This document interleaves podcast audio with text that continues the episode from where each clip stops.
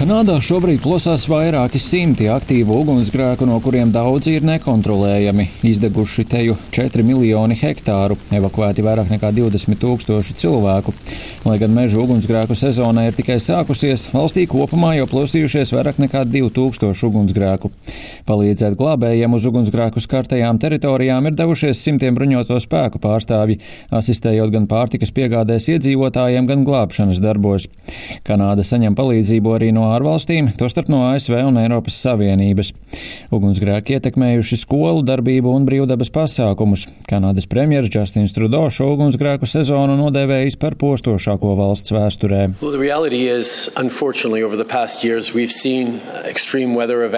Diemžēl pēdējos gados esam pieredzējuši, ka ārkārtēju laikapstākļu intensitāte un ietekme uz kanādiešiem, kā arī to radītās izmaksas ģimenēm, provincēm un federālajiem budžetam ir palielinājušās. Pēdējo gadu laikā mēs esam redzējuši postošus plūdus. Esam redzējuši, kā pagājušajā gadā viesuļvētra Fiona skāra mūs spēcīgāk nekā iepriekš pieredzētās viesuļvētras. Un šogad redzam vissmagāko ugunsgrēku sezonu, kāda jebkad ir bijusi visā valstī.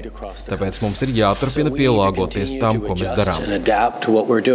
Ugunsgrēku radītie dūmi izplatījušies ne tikai Kanādā, bet sasnieguši arī Amerikas Savienotās valstis. Oranžā kodīgā dūma kā un asā deguma smakā ietinot austrumu daļu, tostarp tādas lielās pilsētas kā Vašingtona un Ņujorka. Gaisa piesārņojuma līmenis tur pārsniedzis to, kāds parasti sastopams pilsētās Dienvidāzijā un Ķīnā.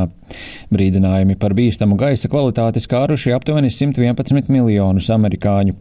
Dūma, ka ietekmējusi avio reisus, skolu darbu un brīvdabas pasākumu norisi. Ņujorkas mērs Ēriks Adams aicinājis iedzīvotājus palikt iekštelpās. Amatpersonas pilsētā izdalījušas sejas aizsegus dzelzceļa stacijās, autobusu stacijās un parkos, un arī paziņojušas, ka valsts skolas no šodienas pāriet uz tālmācību.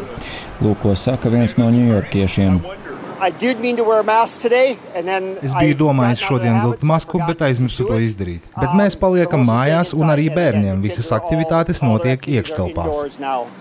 Šodien doma, ka ir kļuvusi mazāka, tomēr gaisa kvalitāte saglabājas ļoti slikta. Vides aktīvisti jau izmanto radušos situāciju Kanādā un ASV, lai atgādinātu par klimata pārmaiņu postošo ietekmi. I spoke yesterday with Prime Minister Trudeau.